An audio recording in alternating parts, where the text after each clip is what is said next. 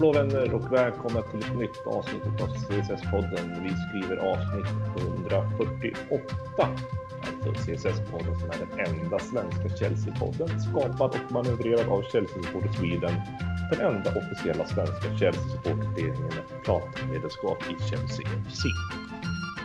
Jag som sitter här och styr allting idag, det är Jakob Lindström och jag är som vanligt inte ensam utan jag har med mig två stycken kamrater idag. Den ena, den ena, ni känner till bägge två såklart, men den ena lite mer som att det är ju, ja, parhästen och radarpartnern Linus Sjöström och eh, jag tror att han fortfarande är bitter över Göteborgs och AIK i lördags. Men det ska jag inte nämna någonting om. Så att, men annars är allting bra med dig Linus?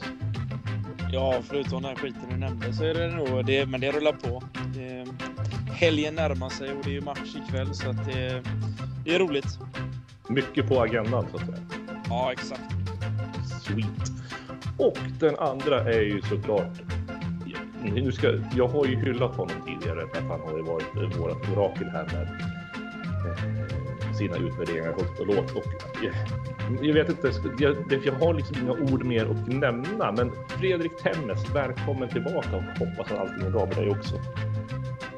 Ja, men tack så hemskt mycket. Eh, det är bara fint med mig. Eh, det går inte så bra för min Stockholmsklubb däremot, men det, det behöver vi inte diskutera i det här forumet. Utan vi är här för att snacka Chelsea. Precis, men eh, gliringar är ju alltid roligt och det skickar vidare ändå. Det kan vi tycka. Ja, det somliga kanske.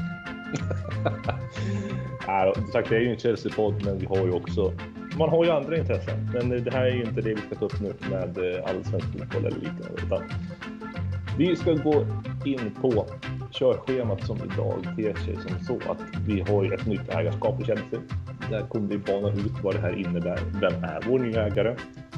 Vi har fått lite förhandsinformation om honom tidigare i tidigare avsnitt när vi har gått igenom potentiella köpare. Vi kommer givetvis gå igenom den här Chelsea-Wolverhampton-matchen och vad som egentligen hände. De tappade 2-0 till 2-2. Vi eh, tar tempen på eh, finalen i helgen mot Liverpool. Men jag tycker att vi börjar avsnittet eh, inte med en match till att börja med, utan vi börjar alltså med att kolla igenom vad som har hänt nu med den här nya ägaren. Så att jag gör som så. Jag kommer att skicka över till Tennis alldeles strax som kommer göra en liten redovisning av vad vår ägare står för och vad han, vad han pysslar med. Så Tennis, känner du dig redo? Eh, jag ska ställa någon fråga. Vem är vår nya ägare?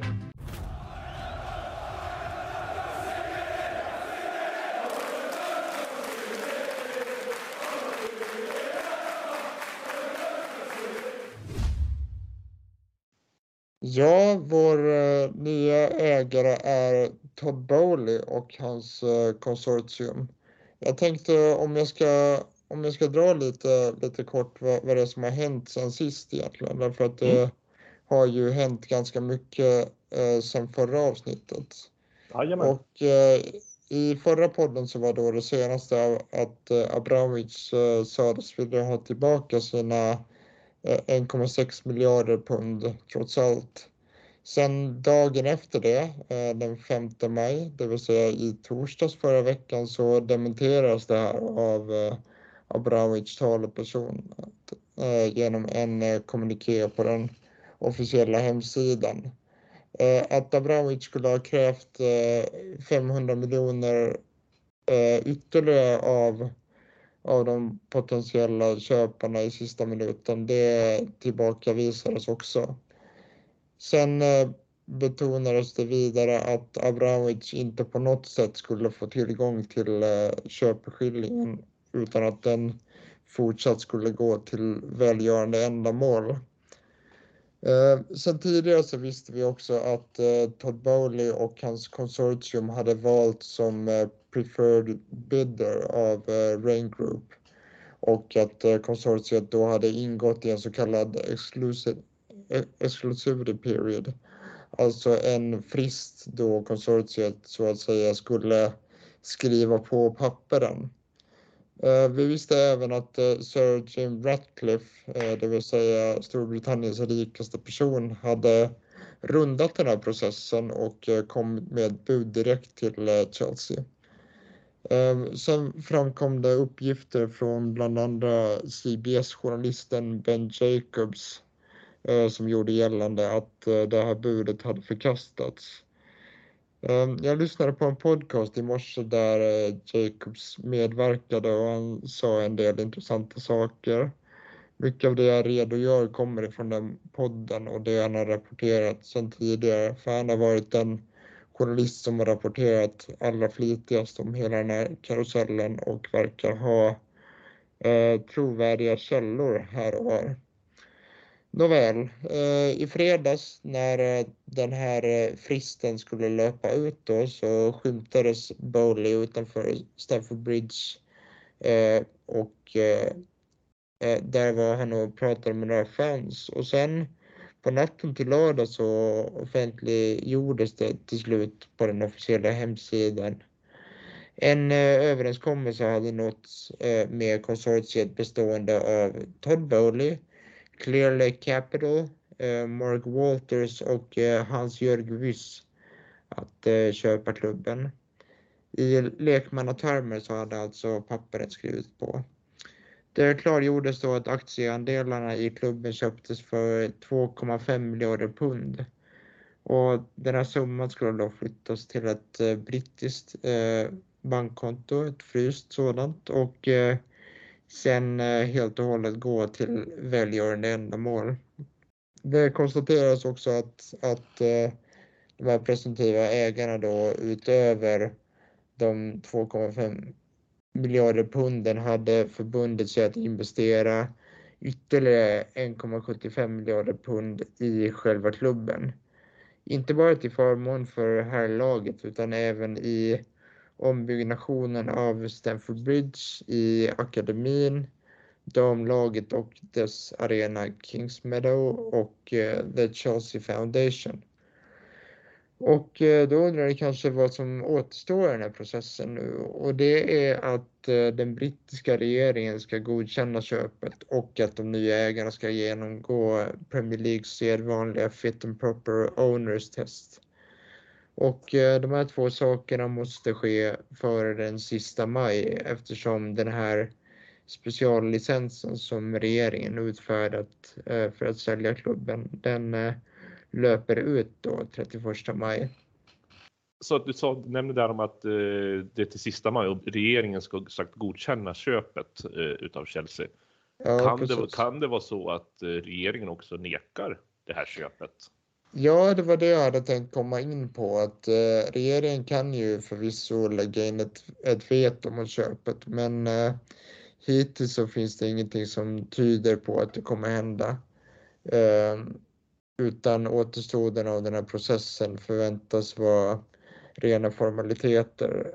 Eh, det ryktas dessutom om att Bowley redan, gått, redan genomgått det här fit and proper testet. Och även om inte det skulle vara fallet så lär inte det heller vara något problem eftersom det inte finns några uppenbara tvivelaktigheter kring honom som eh, det till exempel hade varit med Saudi Media, Media Group eh, och inte heller så har det uppdagats några så att säga skelett i garderoben. Så med andra ord så tycker jag man kan säga att affären i princip är klar och eh, köpet kommer av allt att döma att gå igenom. Så Todd Bowley och hans konsortium kommer alltså bli Chelseas nya ägare. Och eh, som bekant så såg vi ju även Bowley på, på läktaren mot eh, Wolves i lördags. Och vilken presentation han fick av sin nya klubb. Ja, verkligen. Det, han eh, gick väl igenom hela känslospektrat där och, och blev varse VAR och eh, domarkontroverser och eh, Lukaku mål och sådana saker. Men ehm, finns det någonting uttalat? Eh, jag tänkte, jag försökte titta lite själv, men finns det någonting uttalat om han har haft något intresse för Chelsea tidigare eller om han är helt? Ja, det har han haft. Uh, han hade det uh, 2018 om jag inte minns fel. Men eh, hans, eh, hans bud eh, nekades ju då därför att vid den tiden så, så övervägde Abramovic inte att eh, sälja klubben. Så han precis som eh, eh, Jim Ratcliffe nu då, har, har kommit tillbaka och eh, även, även Ricketts hade tidigare intresse av, av att förvärva klubben men det, det blev inget av det heller. Ehm, det finns några intressanta saker med det här avtalet. Det är en del intressanta uppgifter som sipprat ut från, från flera olika källor. Det är nämligen det att det sägs att det har satts in en så kallad anti-glazer-klausul som de kallats i media i det här avtalet. Och vad det innebär det är att eh, Chelsea inte får göra någon aktieutdelning till ägarna eller betala ut eh, management fees eh, förrän 2032. Och mm. inga aktier får säljas under den här perioden heller. Eh, vilket innebär att eh, ja, ägarna är helt enkelt fast i, i klubben i tio år. Och det finns också strikta begränsningar på hur mycket klubben får skuldsättas.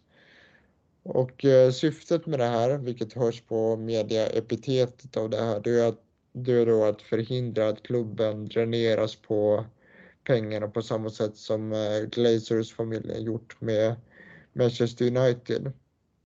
Så här än, än så länge låter det här som liksom en uh, jättebra händelse och uh, helt fantastiskt med det nya ägarskapet. Men jag gissar på att det har sina sidor här också. Uh, det kan inte vara helt fläckfritt det här ägarskapet, utan någonting måste ju... Det kan inte vara en dans på rosor känner jag, utan... Ja, vi kommer på det. Vi kommer till det lite, lite senare. Alltså klubben kommer ju eh, förmodligen att drivas lite annorlunda. Eh, man kan också säga i sammanhanget eh, att eh, det förväntas vara så att eh, Clear Lake Capital blir eh, majoritetsägare av klubben och de resterande 40 procenten fördelas ut bland de övriga konsortiemedlemmarna. Och det man kan säga om Clear Lake Capital då, det är att det är ett amerikanskt eh, investment, investmentbolag som har drygt eh, 72 miljarder dollar i tillgångar. Eh, det är kanske lätt att tro att, att det blir liksom en, en ansiktslös ägare, men det verkar inte vara så utan det kommer finnas ett ansikte för Clear Lake och det är en av deras grundare, eh, Behtad Egbali heter han. Han, eh, han sägs vara fotbollsintresserad och eh, förväntas ha en ganska aktiv roll i styrelsen. Inte minst när det gäller ekonomiska frågor. Eh, något annat som det har, eh, som det har ryktats om de senaste dagarna det är att eh, bland andra Bruce Buck och eh, Marina Granovska kommer att bli kvar i klubben och ingå även i den nya styrelsen åtminstone under en övergångsperiod. Eh, det sägs däremot att eh, Jonathan Goldstein, en annan prominent figur i det här konsortiet som ju sägs vara Spurs-fan och bära huvudansvaret för Stafford Bridge-projektet, inte kommer att ingå i styrelsen. Däremot så spekuleras det att han kommer få en ganska operativ roll vid eh, vid sidan av Bowley eftersom han har ett brett kontaktnät i fotbolls England som de, eh, som de andra aktörerna inte har. Ehm, Sen, sen sägs det då också att Bowley kommer att träffa Tuchel i, i dagarna för att diskutera transfers. Um, sen kan man bara, bara återgå lite till, till din eh, initiala fråga, att vilka är de här ägarna egentligen? Mm, mm. Eh, då kan man först konstatera att eh, Todd Bowley kommer vara ansiktet utåt för eh, konsortiet. Han kommer alltså ha den operativa rollen och han har ju tidigare investerat en del i amerikanska sportfranchises tidigare och är till exempel delägare av det framgångsrika baseballlaget LA Dodgers. Eh, han har även investerat lite grann i LA Lakers tillsammans med eh, Mark Walters då som också är hans eh, kompanjon i Dodgers. Hans-Jörg Wyss då är en schweizisk affärsman och en framstående filantrop som gjort stora investeringar för att värna om klimat och miljö. Han har ju varit nästan tapeten tidigare vet jag, som potentiell köpare till klubben. Precis, han var ju faktiskt allra först ut. Men då sa han ju också det att Abramovic kräver alldeles för mycket pengar och han kommer inte att göra det här köpet själv.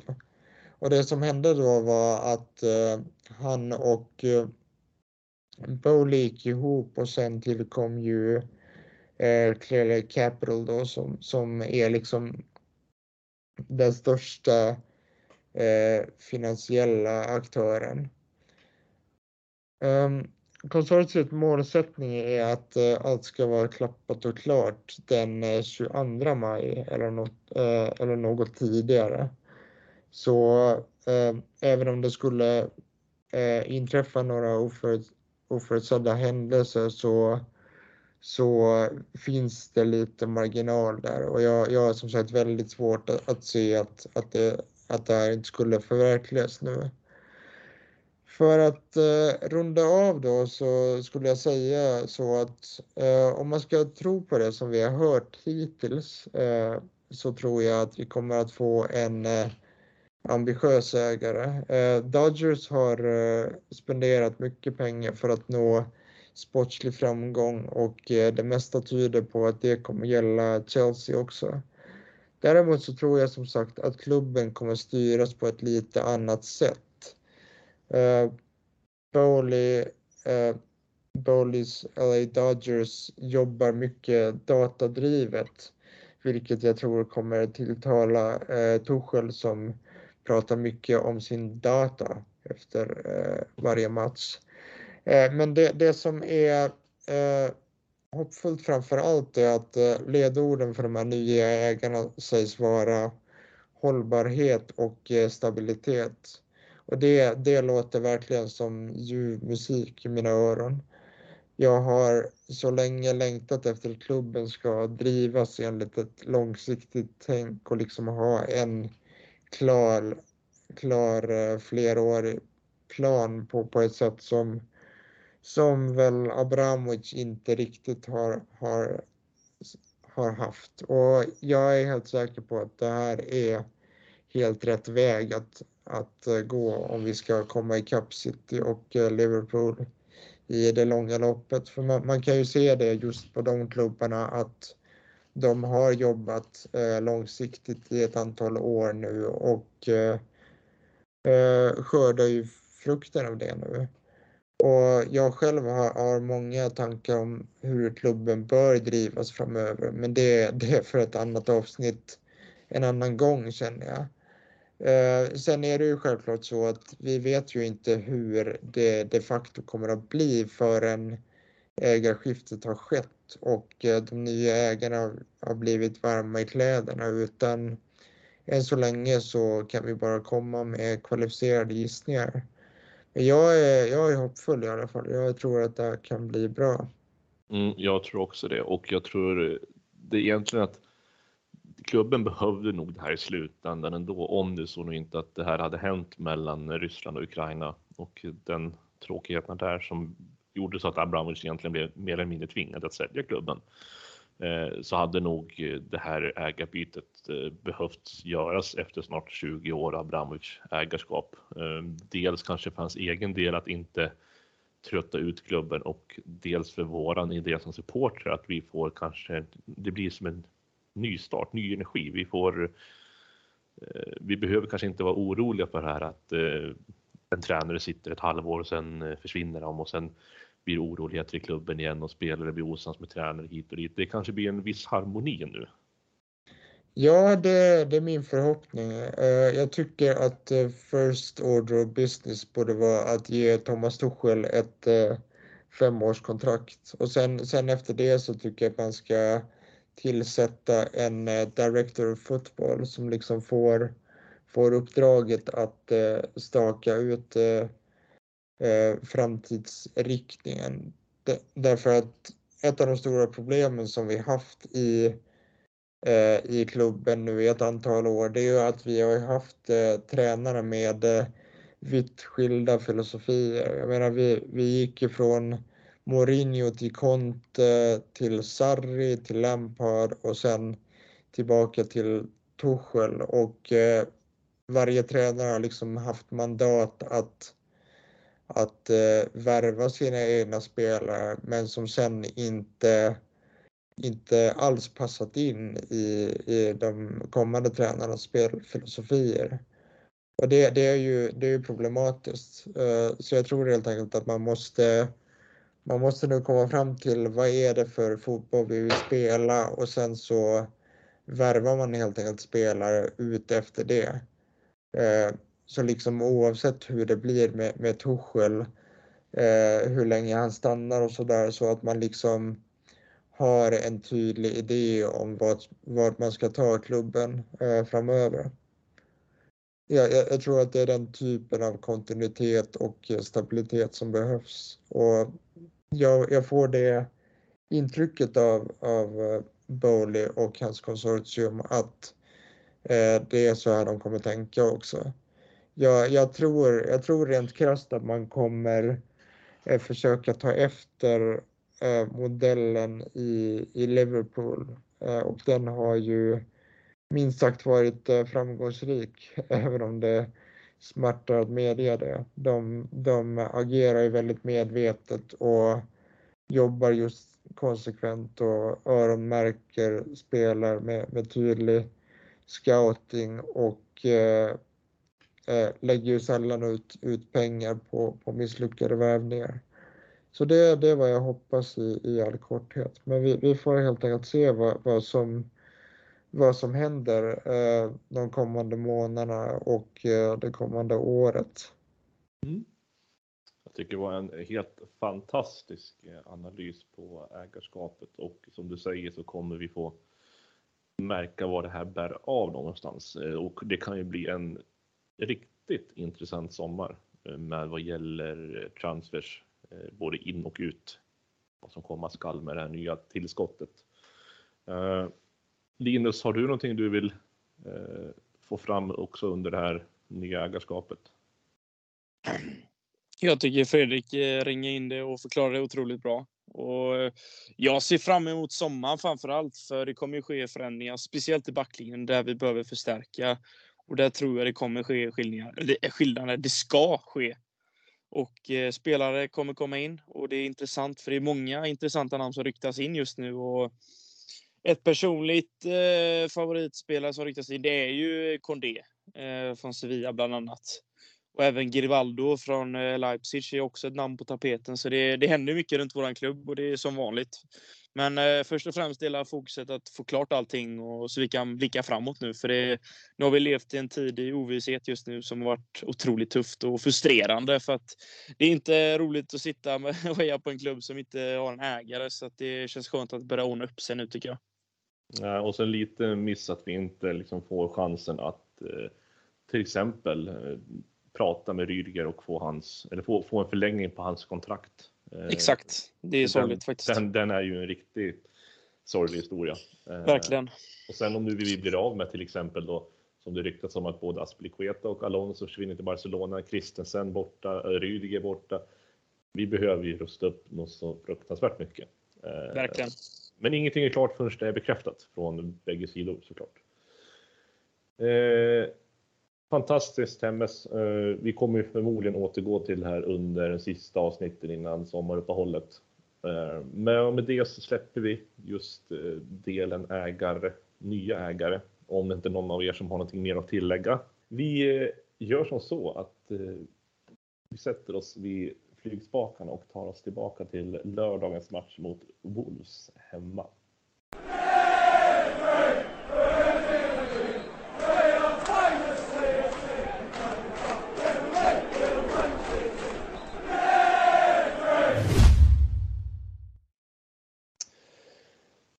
Linus, du ska nu få förklara för mig här. Vad är det som händer egentligen? Ska vi, ska vi bana, ska vi bana ut egentligen vad Tuchel ställer upp med först med förlag här inför matchen mot Wolves? Ja, exakt. På förhand så tyckte jag detta var en intressant match för eh, Todd Bowley var på läktaren, det var strålande sol och Chelsea skulle spela. Så tänkte man, vad kan gå fel? Jo, det var en hel del som kunde gå fel i slutändan för att eh, det blev ju tappad poäng i slutet igen. Och nu var det sista sparken i matchen så att det, ja, det är för många matcher. Torsten säger det själv, vi har spelat alldeles för många lika matcher i år. Och det, det är bara ett exempel på detta, att vi tappar det igen. Men eh, som du sa Jakob, om vi ska gå in lite mer på laget så eh, tycker jag det är en ganska... För mig var det en ganska väntad elva. Jag tyckte det är kul att han låter Lukaku spela.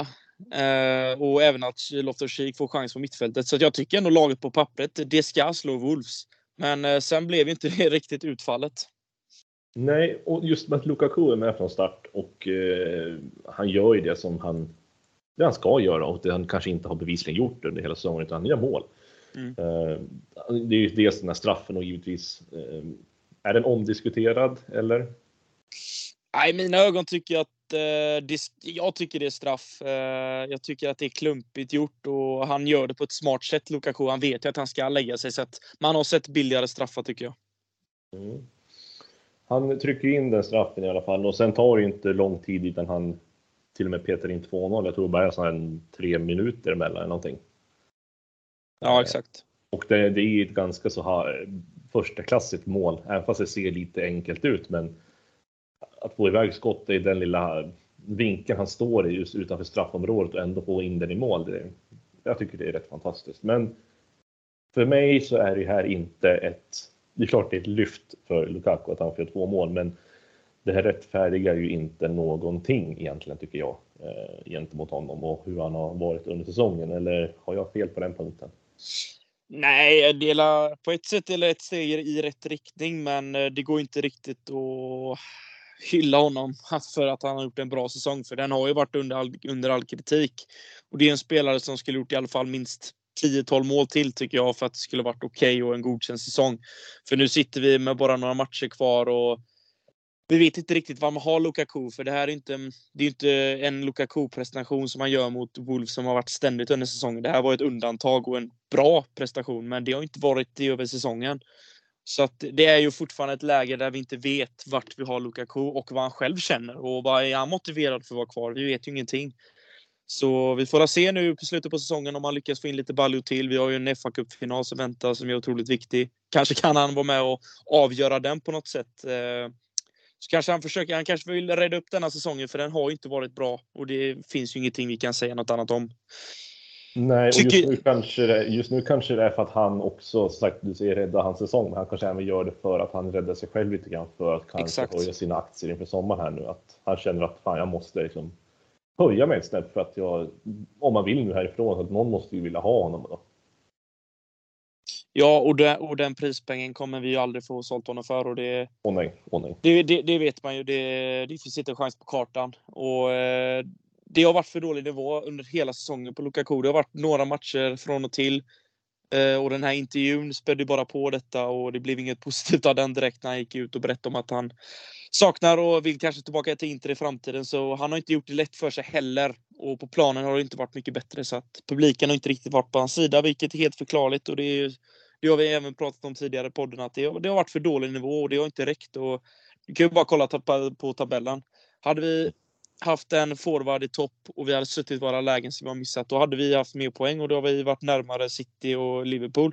Men det, vi är inte där idag så att... Eh, Nej, vi är närmare Arsenal och Tottenham. Exakt, vi måste ju fortfarande säkra vår Champions League-plats som inte är klar. Eh, det, på ett sätt är det positivt att Arsenal och Tottenham möts imorgon. Eh, men annars så vi har satt, vi har suttit oss själva i den här skiten rättare sagt. Så att denna, denna matchen mot Wolves är ännu ett exempel på att vi, vi tappar en 2-0-ledning som ser säker ut. Vi gör två mål i andra halvlek och då ska det räcka för att ta tre poäng på Stamford Bridge. Men eh, i år gör det inte det. Vi har för djupa dalar enligt mig. Mm. Och ja, det här kan ju nu ska jag inte säga så, men det här skulle ju under säsongen kunna vara en Romelu Lukaku-podd. För att det känns som att man har någonting att säga om honom i nästan varje inspelning. Ja, verkligen. Eh, Men jag, jag tycker ändå att man, eh, att man kan hylla honom för den enskilda prestationen. Mm. Eh, Därför att här så var han ju enastående ändå. Eh, Framförallt i andra halvlek där han visar sin klass. Eh, jag var livrädd för att han skulle missa den där straffen men han, han dundrade in den eh, distinkt eh, och behärskat.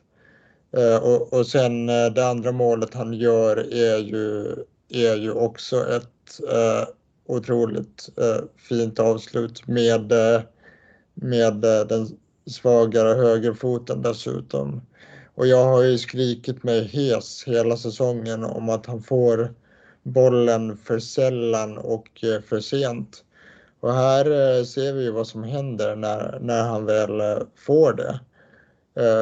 För det är ju Pulisic då som, som spelar bollen till honom tidigt och han får lite yta att löpa på och får han läge i boxen, jag menar då är han, då är han klinisk för han är en, en klassavslutare. Sen är det Fast har, klart han att inte, har han ändå inte, om man säger hans, eh, det nu var inne på att han eh, inte får bollen och spel, men har inte också mycket att göra med hans orörlighet på plan som har Jo. varit ganska påtaglig? Eh, Jo, delvis. Alltså det, det slog mig lite eh, under den första halvleken där han inte var lika bra. Det var liksom att han, han var ju ofta, ofta långt ifrån där bollen var. Eh, så jag köper den poängen till viss del. Men jag skulle också säga att om man verkligen studerar honom eh, under matcherna så ser man ju att han eh, pekar och sticker väldigt ofta. Men det är liksom ingen som ser det många gånger. Och när, när de väl gör det så, så kommer liksom bollarna alldeles för sent. Eh, så jag, jag köper den, den poängen till viss del men inte helt och hållet. mm. Ja, han är, han är ju absolut inte lika, lika rörlig som Kai Havertz till exempel. Men eh, jag tycker ändå att han, eh, han eh, eh, tar liksom initiativ, initiativ till, till löpningar. Det är bara det att eh, Eh, vi hittar inte honom helt enkelt. Jag, jag, jag tror att eh, han hade gynnats av en, av en spelare som eh, eh, Cesc Fabregas till exempel som ju var en mästare på att slå den här tidiga 40-50 meters bollen. Hade vi haft en sån, en sån eh, framspelare i det här laget så tror jag att, eh, att eh, Lukaku skulle ha spelat mycket bättre. Sen, sen är det klart att jag menar han, eh, han bär ju skulden till, till det här också eh, i viss mån. Eh, men jag, jag tycker inte att det är så enkelt som en eh, eh, fråga som är, som är svart eller vit liksom, utan det, det finns nyanser däremellan också. Och personligen så ser jag gärna att han, eh, att han stannar till, eh, till nästa säsong i alla fall. Då hoppas jag att vi, att vi kommer att få se en bättre version av honom. För det är ju också som ni säger att även om man skulle vilja sälja honom nu så jag menar det finns ju eh, finns ju inte en chans att man får tillbaka ens hälften av det han kostade. Nej, nej, nej. Så jag, så jag, jag ser helt enkelt ingen, ingen poäng med att eh, ge upp på honom efter en säsong redan. Nej, jag är inne på det, det du också säger, det här med att man absolut, jag skulle vilja se honom också nästa säsong och ge, få ge honom chansen att han får genomgå en ordentlig försäsong med klubben. Eh, vilket han inte egentligen fick när han kom, utan han kom ju ändå väldigt eh, sent i transferfönstrets skede. Så att säga. Eh, så han, fick, har aldrig, han har inte fått den här ordentliga kanske genomkörningen som kanske behövs för hans egen del att eh, trä, träna. Ja, men så är det. Och, Eh, sen, sen borde han kanske gå tillbaka till Conte-dieten också. utan, utan ketchup och, och annat för han, han har ju lagt på sig några kilo sedan han lämnade Italien. Det, det, det är enkelt att se. Det syns. Det syns. Eh, vi släpper lite Lukaku-spår där och fortsätter på Wolves-matchen. Linus, vad är det som händer sen här nu? Alltså, vi, vi leder med 2-0 och det känns ju frid och fröjd till viss del. Men va? Ja, ska vi? jag, känner, jag känner hopplösheten bara. Eh. Ja, det är ju lite som vi har varit inne på tidigare under säsongen. Det är ju att vi jag tycker vi slappnar av återigen, där vi inte är lika tuffa och lika bestämda som vi brukar vara när vi ska styra spelet. Men det här blir ett exempel igen där vi, vi tappar det i slutet på matcher. Det blir darr och vi kan inte stänga matchen. Det skulle jag säga det största problemet. För att när Trincao dunkar in 2-1, då känner jag ju redan att det kan, nu kommer hända saker för, fram, för, framförallt för Wolves här. Och de trycker på och när läget uppkommer i 97 minuten, ja, det, man blir ju bara helt tom. Och 2-2 är ett faktum och vi tappar återigen på Stamford Bridge. Vi är ju vi är ett lag i år som inte har levererat på hemmaplan. Vi är alltså sjunde bäst i ligan på hemmaplan. Vi har tagit 30 poäng på 17 matcher. Och det räcker ju inte om det ska vara Chelsea. Då, då kommer man ju aldrig vinna ligan. För på hemmaplan måste man vara ett starkt och stabilt lag. Och det har vi inte varit i år. Det är ju där de jobbigaste poängtappen har tagit, kommit. Och bortaplan har ju varit mycket bättre. Så att, ja, det är ett stor, en stor förbättrings... Eh, poäng till nästa säsong att vi måste bli bättre på hemmaplan. För tappa 2-0 till 2-2 mot Wolves hemma, all respekt för Wolves, men det är alldeles för dåligt. Och det uppkommer en tilltrasslad situation och Cody bara kan lägga in den. Det, nej, det, det känns så Det är frustrerande för varje match nu för att vi vill ju stänga den här tredjeplatsen. Vi vill ju nå Champions League, men då måste vi börja vinna matcher för det här håller inte. Nej. Enligt mig. Nej, nej, nej. Det här är ju liksom ska vi vara uppe i toppen då kan vi inte ha de här, den här ojämnheten som speciellt alltså, har varit väldigt påtaglig. Jag skulle säga från decembertid, alltså därifrån och sen fram tills nu har varit verkligen upp och ner. Exakt. Och, och vi... sen vad det beror på, det, det kan ju bara spelarna själva egentligen förstå. Ja, och Torshäll har ju varit hyllad från start, men det har varit en del taktiska misstag. Jag har sett de, de senaste matcherna och vi, vi har inte varit tillräckligt bra och man kan inte alltid bara hylla sitt lag. Vi behöver ibland ge lite ris och ros och nu är det en situation och en del av säsongen där vi inte har levererat på ett tag och det syns ju i tabellen. Vi har ju bara rasat. Och mm. kollar man till början i oktober när vi låg i toppen och spelade fantastisk fotboll och vann med bland annat 7-0 mot Norwich hemma. Då var det frid och fröjd och alla var glada och alla gjorde mål och vi bara öste på. Men efter nyår där i januari, februari tyckte jag det, det började gå ut för och vi tappar för många poäng. Givetvis, vi har haft mycket skador. Men samtidigt är vi ett lag med mycket kvalitet så det, är för dåligt i ligan i år. Det, men det... ta, som, ta som exempel där att när vi pratade om oktober att eh, vi låg uppe i toppen. Ta till exempel ja. vart eh, Arsenal låg någonstans. De låg ju nära nedflyttningsstrecket. Och nu Exakt. ligger vi en poäng framför dem. Mm. Eh, lika många matcher spelade såklart. Men så att den här, den här vårsäsongen är inte någonting man gärna vill komma ihåg på ett bra sånt sätt i alla fall. Nej, och det har varit mycket egna misstag där, bland annat Mendy mot West Ham när han slarvar med bollen, de får straff. Det är Jorginho tappar bollen på halvplan mot United hemma.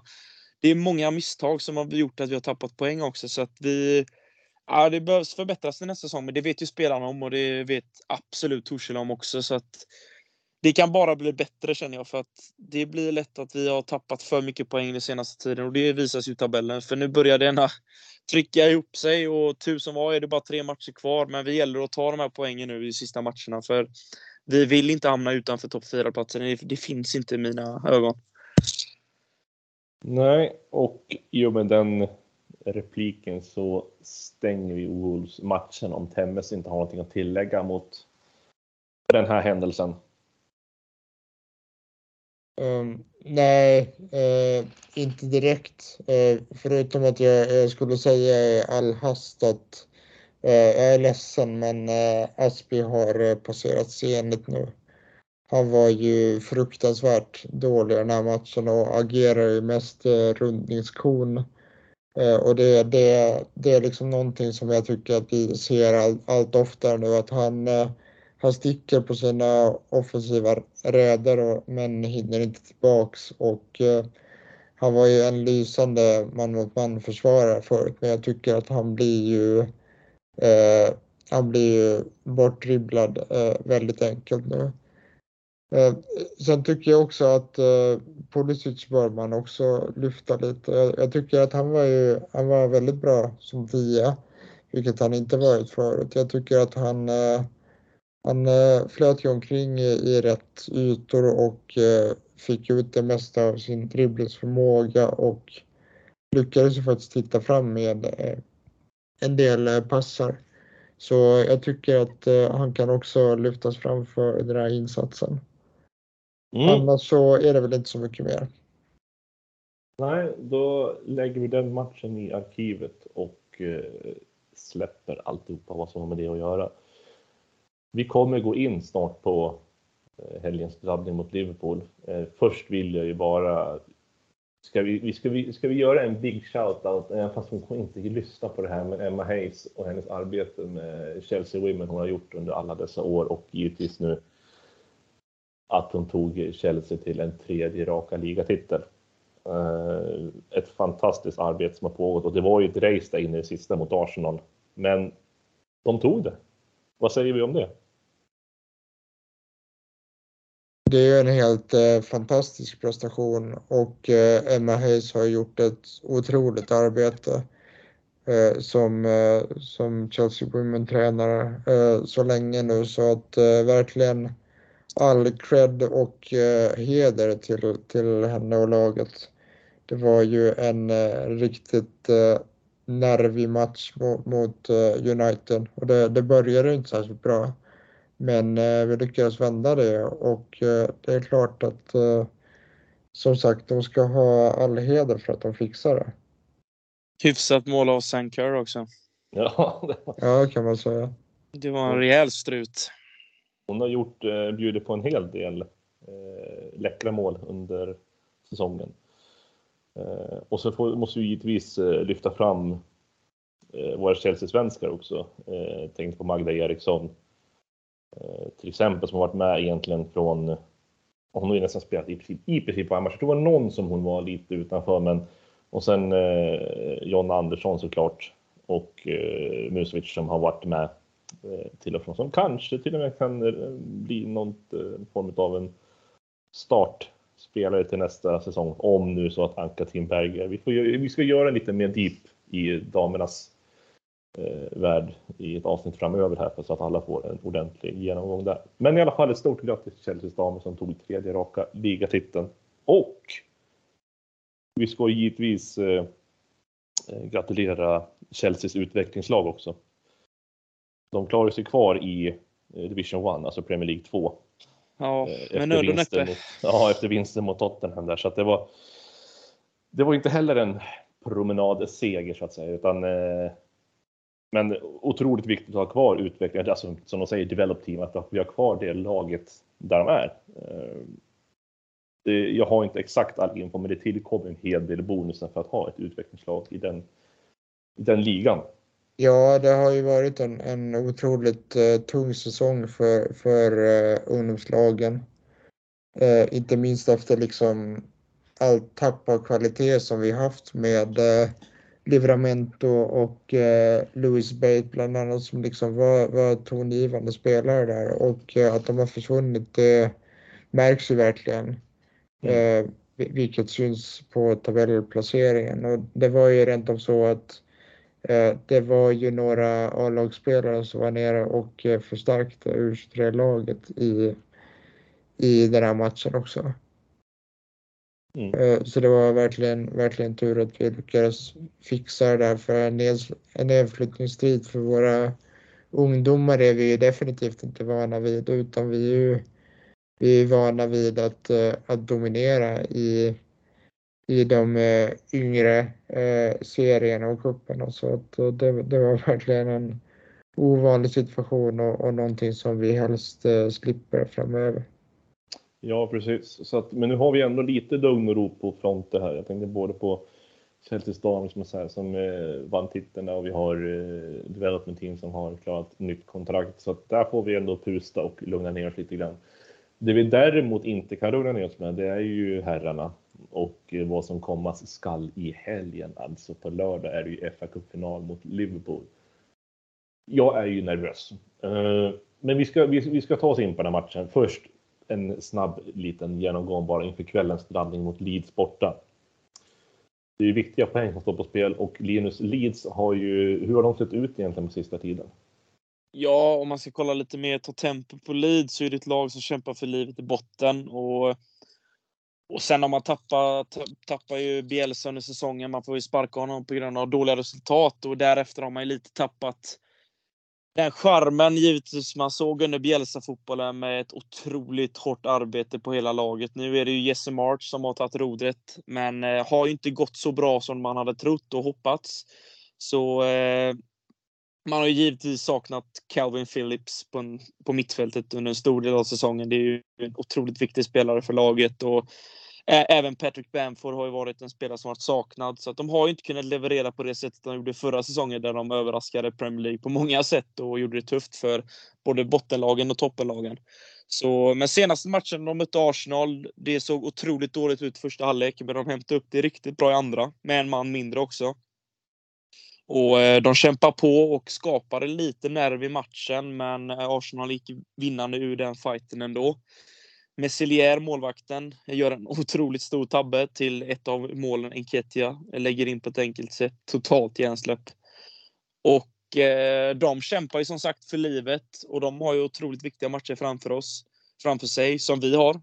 Så att de kommer ju ge järnet mot oss och det gäller att hänga med för att Ellen Road kan koka och det vet man när de har publiken i ryggen. Så att eh, det här blir en svårtippad match och det gäller att ta tag i den direkt och försöka få in ett tidigt mål för att tysta ner hypen på arenan och adrenalinet hos spelarna skulle jag säga. Mm, och den ändå klassiska rivaliteten som finns mellan Leeds och Chelsea. Eh, inte minst mot FA Cup-finalen vid 70 där så att eh, sedan dess så har det ju varit en hel del tuffa bataljer och för den nyfikna som eh, kommer ihåg under hösten, eller ja, tidig höst, så gjorde vi ju ett avsnitt där vi inför vi skulle möta Leeds och eh, där vi slängde ut frågan om det fanns ett intresse för ett specialavsnitt som handlar om just den fa finalen mot Leeds. För det är ju en av de skitigaste matcherna som har eh, utspelat sig i engelsk fotboll, sägs det. Och det finns så mycket att prata om där. Och det är sagt, ett sånt specialavsnitt är under bearbetning och det kommer komma ut. Eh, exakt när kan jag inte säga, men det, det, det, det pågår att skapas ett sådant i alla fall. Eh, fick jag det sagt. Vad tror vi då? Eh, om jag säger som jag börjar, att jag tror att Tucharna kommer ju ställa upp med ungefär samma lag som man gjorde mot Wolves. Eh, jag ser ju ingen anledning till varför han ska bänka Lukaku till exempel. Utan eh, han kommer förmodligen fortsätta. Och det är däremot är lite tveksam till det, även om Pulisic kommer från start. Tveksamt. Eh, men i andra sidan så tror jag att det liksom är samma, stort sett samma elva. Och eh, jag tror ändå att vi med nöd och näppe vinner med 3-1. Vi leder med 2-1 fram tills den 80, 85 minuten så gör vi 3-1 på en kontring efter en hörna. Fy, ja, ni hör ju vilken vilket eh, sinne jag har nu. Ja, och det, det är ju svårt att tippa den här matchen tycker jag. Och jag är nog inne mer på ditt spår som du säger Jakob, det här med 3-1. Men jag skulle ändå säga 2-1 bara. Det, vi leder med 2-0, men de kommer göra ett mål i andra halvlek som gör att det blir lite nerv i matchen. Som vanligt när Chelsea spelar. Det, det är svårt att stänga matchen, eh, verkar det som, för spelarna. Mm. Temmes, vad, vad, känner, vad tror du då? Jag, jag är livrädd eh, faktiskt. För eh, vi, alltså, vi har ju helt enkelt checkat ut eh, i ligaspelet.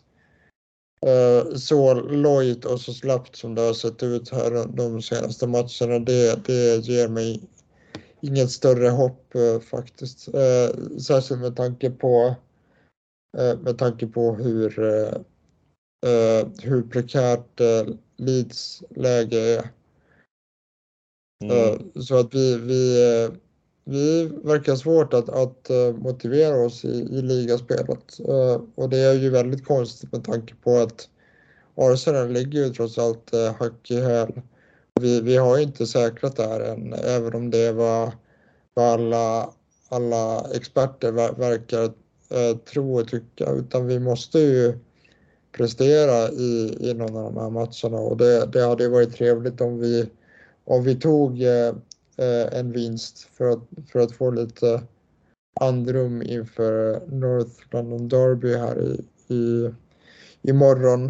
Eh, ja, men jag, jag, jag hoppas väl på seger, men jag, jag tror fan att det kan bli ett poängtapp till. Jag hoppas jag har fel. Ja, det får vi också hoppas såklart. Och eh, vi har ju sagt som du var inne på under större delen av säsongen här varit i ingenmansland egentligen. Vi har ju haft Liverpool och City framför oss som har varit eh, o, alltså otagbart och sen har vi haft Arsenal Tottenham United nere under oss. Så att eh, vi har ju liksom bara legat och kört, kört vårat egentligen fram tills nu när det börjar brinna ordentligt. Ehm, men vi sagt då stänger vi Leeds där och nu ska vi kliva in på det stora som händer här fram till helgen. Alltså på lördag möter vi Liverpool på Wembley i FA-cupfinalen. Du snackar till mig som att du var livrädd idag. Jag säger att jag är livrädd inför lördag.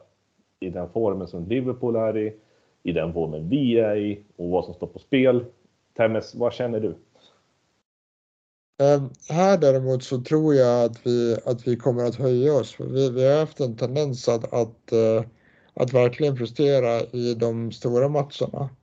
Uh, jag menar, man kan ju dra sig till minnes uh, vad, vad man trodde eh, inför den senaste ligamatchen. Det var ju, var ju bara, bara ett par dagar efter den här Lukaku-intervjun och jag, jag trodde att vi skulle gå ut och få stryk med, med 6-0 eller något i den stilen och sen, sen gick vi istället ut och knöt näven och, och var ju faktiskt det, det bättre laget där.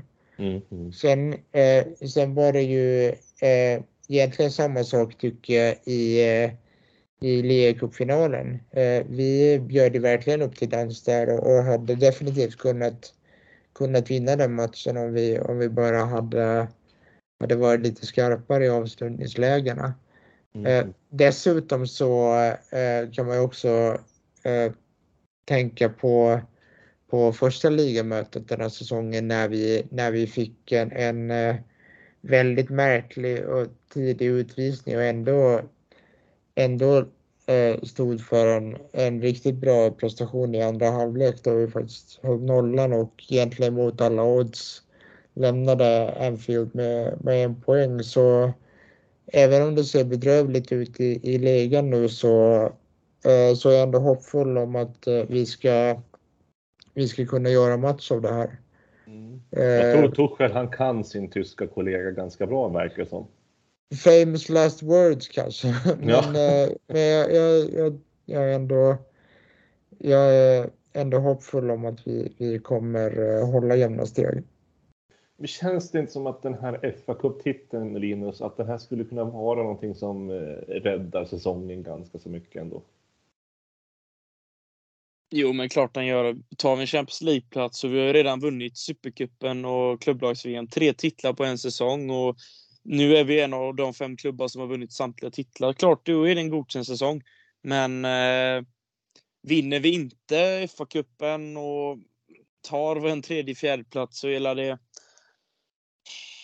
minus godkänt G minus skulle jag säga. För jag tycker fortfarande inte det är underkänd överlag för att City och Liverpool har varit på en helt annan nivå. Men eh, hade vi vunnit FA-cupen så eh, skulle jag nog säga att det, då är det väl godkänt. Och Ja, det är mycket som hänger på denna matchen tycker jag. och Det känns lite oroväckande som Temmes var inne på att det ser så otroligt lojt ut och det behövs en rejäl höjning för att kunna rå på Liverpool på Wembley på lördag.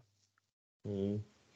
Det är sagt, vi kan ju enbart spekulera i hur det kom, kan komma att se ut och eh, jag känner så här den eviga frågan som har varit med oss väldigt länge. Eh, börjar med dig Linus, Havertz eller Lukaku? Åh, bra fråga. Skulle Lukaku göra en bra match ikväll igen och göra ett, ett mål eller två mot Leeds så tror jag faktiskt Lukaku som startar. Men gör han en svagare insats ikväll så blir det Havertz från start mot Liverpool. Dennis, Havertz eller Lukaku? Varför inte båda två säger jag. Eh, jag ser att de eh, absolut kan fungera bra i ett, i ett tvåmannaanfall. Jag tycker egentligen att eh, Havertz är, mer av en, av en tia eller så kallad andra striker. Så jag, jag, ser, jag ser gärna honom strax bakom Lukaku. Så mm. jag, jag hoppas på, på båda två eh, förutsatt att, att eh, Lukaku ger ett formbesked i, i den här matchen då. Man, eh, man kan ju också säga det att eh, Havertz form har ju varit eh, sviktande en längre tid nu. Eh, det var ju, det var ju en period där han var helt fantastisk, men det var det, Det var var, ganska, det, det var ganska många matcher sedan nu ja. Så jag, jag tycker inte att han ska vara helt självskriven. Men jag, jag ser gärna jag ser gärna båda två eh, tillsammans därför att jag, jag litar helt enkelt inte på, på Timo Werner. Eh, jag gör inte det. Han, eh, han hade ju också en, lit, en liten eh, purple patch nu här så att säga. Mm. Men eh, i de senaste matcherna så har han ju har han ju återgått lite till att vara den här eh, vilsna spelaren.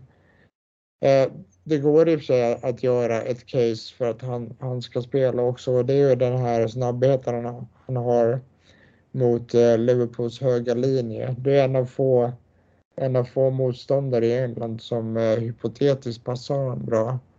Ja, för det här Så- måste vi, som du säger, vi måste ju passa på det här som Liverpool har. De har ju, alltså, en, alltså deras ytterbackar är ju... Vi kan inte slänga in en Aspilicueta mot de här ytterbackarna. Det kommer aldrig funka. Eh, Vi kan inte ha en Alonso. Vi, vi har väl inga till val, men det kommer ju gå undan. Och, Ja, fast alltså det, det, som, det som är intressant med, med eh, Alonso det är att han faktiskt har spelat riktigt bra mot eh, Salah. Eh, Mm. han, var ju, han var ju faktiskt helt eh, fantastisk i ligacupfinalen minns jag. Mm, mm. Eh, men ja, det, det, är ju, det är ju som det är med honom. Liksom. Det är antingen, antingen fågel eller fisk. Ja, han har ju, han har ju och, verkligen eh, inget mellanskikt, utan han där är ju höga toppar och djupa dalar verkligen. Ja, och det är väl fler djupa dalar än höga toppar kan man lugnt säga. Men ja, alltså det, är också som du säger att vi har ju inget, inget val nu egentligen. Men Eh, Chaloba? ja, alltså Chaloba kan ju spela, men han kan ju inte spela i den positionen. Och eh, Malang Sarr, nej, Nej. ja, nej, nej tack. Eh, han, var, han var bra i, i några matcher här under, under vårvintern men, men nu, nu alltså man ser, man ser ju varje gång han spelar nu att han, han håller inte Chelsea-klass. Det finns ju en anledning till att det kanske inte fanns någon tränare innan som valde att använda honom heller. Nej, sen tror jag i och för sig att han var, han var köpt från början för att eh, säljas med vinst. Mm. Så det var egentligen inte meningen att han skulle ingå i det här lagbygg, lagbygget överhuvudtaget. Men nu utan hade ju inget val. Att han, Nej, precis. plocka in Nu, nu föll det sig så bara. Och vad, om vi ska ta lite tempo på matchen här i slutskedet. Vad tror vi egentligen hur det är? eh, Vi har ju pratat om hur matchen kan komma att se ut. Eh, Temmes var inne på det här med att eh, tro lite grann på att det blir som när vi har mött Liverpool tidigare. Eh, Men vågar vi chansa på ett resultat? Vågar vi eh, jinxa eller ska vi vara tysta på den punkten och eh, se vart det bär någonstans istället? Nej, men det är klart att eh, Liverpool är skyhöga favoriter ändå. Det, det får man ändå vara ärlig och säga. Eh, men som sagt, jag, jag tror att vi kommer stå upp och göra en bra match och sen får vi se vad, vad, det, eh, vad det räcker till, hur långt det bär. Vad tror du Linus? Ja, jag tror tyvärr Liverpool vinner med 2-1. Eh, de gör eh, 2-0, men vi, vi reducerar och sen kommer vi ligga på, men vi kommer nog tyvärr inte lyckas i den här matchen. Jag, känns tråkigt att säga, men man kan inte alltid vara positiv. Och just nu är vi i ett läge där vi är lite svaja, så det är tyvärr Liverpool som drar det längsta strået, tror jag. Jag tror också på, på förlust eh, kan sägas. Men eh, jag tror inte att det blir med stora siffror i alla fall. Nej, exakt. Och man, man, eh, man kan ju alltid hoppas på att, på att vi kommer med, med en maxprestation. Och då, då kan det hända att vi har, att vi har turen på vår sida. Men, men ska man titta helt nyktert på det så är ju Liverpool favoriter och bör vinna det här med typ 2-1. Men då, jag, då skulle jag liksom gå emot strömmen lite grann här och eh, ändå eh, propagera lite på det här att eh, det är med sådana här matcher som vi kan spela så sjukt jäkla bra. Lite det du var inne på tidigare, här med att just när vi mött Liverpool tidigare, att det, då har liksom kvaliteten varit skyhög helt plötsligt. Så att jag tror, och jag hoppas givetvis, jag tror att vi kommer vinna matchen mot Liverpool på lördag. Jag säger inte med hur mycket. Det kan ju... Den vågar jag inte jinxa om. Utan jag håller mig till att säga att vi... Jag, jag tror att vi, vi kommer vinna över Liverpool på det. Då får du ett årskort på Friends av mig. Är det säkert? Nej, jag, jag är student så jag kan inte lova för mycket. Jag ska nog vara tyst. Du får gå ihop ett Hennes. ja, ja, exakt. Nej, men klart, det är, det är kul att någon av oss tre har lite mer tro och hopp om matchen. Givetvis kommer det bli en tuff och jämn match, det tror jag, men eh, Liverpool ser otroligt starkt ut just nu eh, och vi är ju lite raka motsatsen i formkurva, men vad fasen. Allt kan hända. Bollen är rund, som man brukar säga. Visst, visst. Vi, och, vi har ju egentligen ingenting att förlora när vi går in i det här. Exakt. Eh, utan det är bara tuta och köra. Så att vi håller tummarna och eh, vi alla kommer ju sitta bänkande inför det här. Med det, mina herrar, där var alltså Liverpool-matchen eh, avverkad och vi har ju gått igenom en hel del under den här tiden. Allt från ägarskapet till eh, Wolves-matchen, Liverpool och allt däremellan med damernas vinst och etc. etc. Jag tycker att vi knyter ihop säcken där, om det inte är ni tycker att vi ska köra in någonting mer. Nej, jag tycker att vi har väl eh, täckt eh, det mesta. Jag håller med. Suveränt. Eh, Men innan vi avslutar det här så vill jag påminna alla om att Eh, följ oss på våra sociala medier. Det är ju supporterföreningen Chelsea Supporter Sweden som står bakom podden. Eh, man behöver inte vara medlem för att ta del av ideella arbetet, men vill man stötta på ett enkelt sätt så kan man göra det genom att följa oss på de olika sociala medierna. Vi har ju bland annat på Instagram där vi heter Chelsea Sweden understreck official.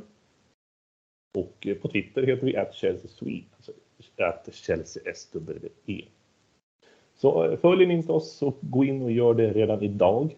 Eh, jag, jag har fortfarande inte Twitter. Eh, det ska fixas någon gång framöver här. Det kan bli ett löfte inför nästa säsong att jag skaffar ett Twitterkonto som kanske blir helt totalt ointressant att följa. Men eh, Fredrik, du har ju Twitter och där heter du att Fredrik Temmes. Eh, och nu Det stämmer kommer- bra. och nu kommer här ödesslingan. Så jag har aldrig lyckats Kan du lägga in en trumvirvel eller någonting? Linus Sjöström heter alltså att Linus Sjöström 99. Jag satt den. Där satt den. Vet du varför? Nu- För att jag har skrivit upp Ja, nu vinner vi på lördag. Nu tar vi dem.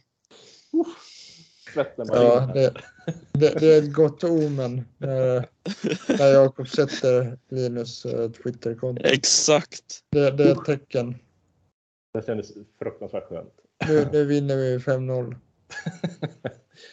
Perfekt. Eh, och just det, vi måste även tipsa om hemsidan på Svenska fans, alltså svenskafans.com slash England slash Chelsea.